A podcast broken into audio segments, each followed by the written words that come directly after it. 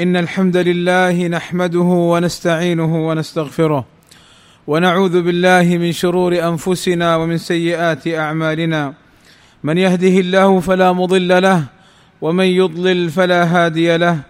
وأشهد أن لا إله إلا الله وحده لا شريك له. وأشهد أن محمدا عبده ورسوله. ألا وإن أصدق الكلام كلام الله وخير الهدى هدى محمد. وشر الأمور محدثاتها وكل محدثة بدعة وكل بدعة ضلالة وكل ضلالة في النار. أما بعد فأوصيكم ونفسي بتقوى الله فإن الدنيا دار بلاء وهي فانية وإن الآخرة دار البقاء. عباد الله من السنن التطوعية صلاة أربع ركعات صلاة الزوال وهي داخلة في راتبة الظهر وقد ورد في فضلها وثوابها أن من حافظ عليها حرمه الله على النار. قال صلى الله عليه وسلم من حافظ على أربع ركعات قبل الظهر وأربع بعدها حرمه الله على النار وقد كان النبي صلى الله عليه وسلم يحافظ عليها ويقضيها إن فاتته. فعن عائشة أم المؤمنين رضي الله عنها وأرضاها أن النبي صلى الله عليه وسلم كان إذا لم يصل اربعا قبل الظهر صلاهن بعده. وساعة صلاة الزوال ساعة تفتح فيها أبواب السماء. فقد كان النبي صلى الله عليه وسلم يصلي اربعا بعد أن تزول الشمس قبل الظهر. وقال صلى الله عليه وسلم إنها ساعة تفتح فيها أبواب السماء وأحب أن يصعد لي فيها عمل صالح وله أن يصليها أربع ركعات متصلات كما هو ظاهر الحديث وله أن يصليها ركعتين ركعتين. قالوا لحديث صلاة الليل والنهار مثنى مثنى. ومن الصلوات التطوعية صلاة ركعتين عند دخول المنزل والخروج منه تمنعان مدخل السوء.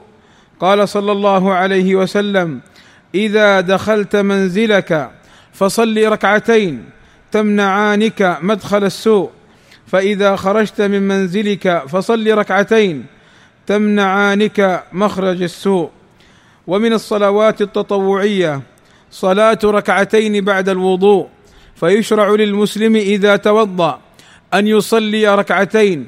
وقد ثبت في هذه الصلاة فضل جزيل وخير كثير بشرط الإقبال عليهما بقلبه ووجهه.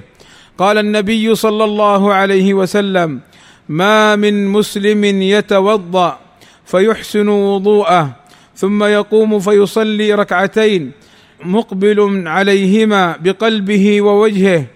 إلا وجبت له الجنة وما منكم من أحد يتوضأ فيسبغ الوضوء ثم يقول أشهد أن لا إله إلا الله وأن محمدا عبد الله ورسوله إلا فتحت له أبواب الجنة الثمانية يدخل من أيها شاء. وقال النبي صلى الله عليه وسلم من توضأ نحو وضوئي هذا أي توضأ على الصفة المشروعة المنقولة عنه عليه الصلاة والسلام ثم صلى ركعتين لا يحدث فيهما نفسه غفر له ما تقدم من ذنبه. وهذان الحديثان يدلان على استحباب صلاة ركعتين بعد الوضوء مع ملاحظة أن الفضل المذكور مقيد بقوله صلى الله عليه وسلم يقبل عليهما بقلبه ووجهه وبقوله لا يحدث فيهما نفسه أي لا يسترسل بحديث النفس ويمكن المرء قطعه فأما ما يهجم من الخطرات والوساوس ويتعذر دفعه فذلك معفو عنه. وهذا الأجر وهو غفران ما تقدم من الذنوب على المسلم ينبغي له أن يلاحظ أن لا يغتر به فيستكثر من الأعمال السيئة بناء على أن الصلاة تكفرها. فإن الصلاة التي تكفر بها الخطايا هي الصلاة التي يقبلها الله وأن للعبد بالاطلاع على ذلك. والذنوب التي تغفر بالصلاة هي من باب الصغائر لا من باب الكبائر كما ذكر أهل العلم. ومن الصلوات المشروعة صلاة ركعتي التوبة من الذنب فإذا أذنب المسلم بادر إلى التوبة والإنابة. وقد شرع الرسول صلى الله عليه وسلم هذه الصلاة عند التوبة.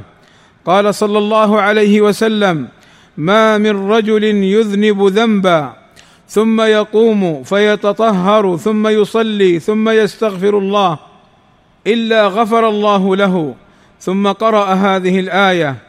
والذين إذا فعلوا فاحشة أو ظلموا أنفسهم ذكروا الله فاستغفروا لذنوبهم. الآية ولذلك ينبغي للعبد أن يراعي هذا الأمر فلا تتكاثر عليه الذنوب فتغطي على قلبه. ولذلك قال النبي صلى الله عليه وسلم معلما أمته وأتبع السيئة الحسنة تمحها.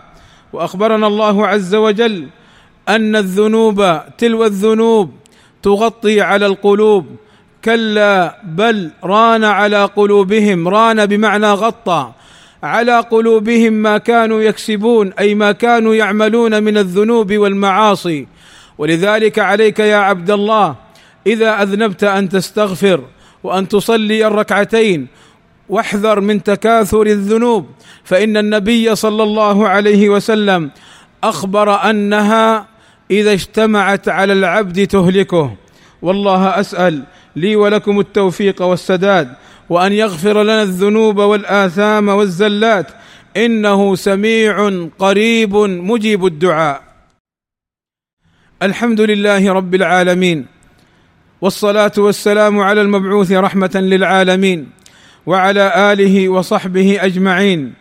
عباد الله ومن الصلوات المشروعة التطوعية الصلاة بين الأذان والإقامة فيستحب للمسلم أن يصلي بين الأذان والإقامة. قال صلى الله عليه وسلم بين كل أذانين صلاة ثلاثا لمن شاء. ويتأكد هذا الاستحباب في صلاة المغرب لقوله صلى الله عليه وسلم صلوا قبل المغرب.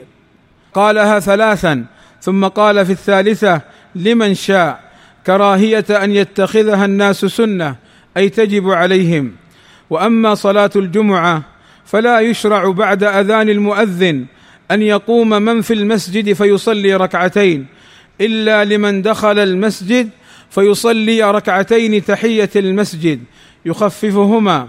أما أن يقوم المصلي من مكانه ويصلي ركعتين بعد أذان المؤذن فهذا خلاف السنة.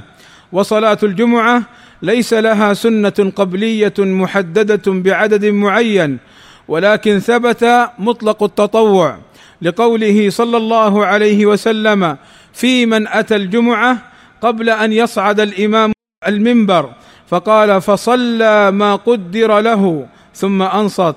فدل على أن سنة الجمعة القبلية غير محددة بعدد معين بل يصلي ما شاء. وأما صلاة سنة الجمعة التي هي بعد صلاة الجمعة فله أن يصلي أربع ركعات لقوله صلى الله عليه وسلم إذا صلى أحدكم الجمعة فليصلي بعدها اربعا وله أن يصليها ركعتين. لحديث عبد الله بن عمر أن النبي صلى الله عليه وسلم كان يصلي بعد الجمعة ركعتين. اللهم وفقنا للعلم النافع والعمل الصالح واتباع سنة نبينا محمد صلى الله عليه وسلم. اللهم اغفر للمسلمين والمسلمات والمؤمنين والمؤمنات الأحياء منهم والأموات. اللهم إنا نسألك الهدى والتقى والعفاف والغنى. اللهم آتنا في الدنيا حسنة وفي الآخرة حسنة وقنا عذاب النار. اللهم وفق ولي أمرنا لما تحبه وترضاه.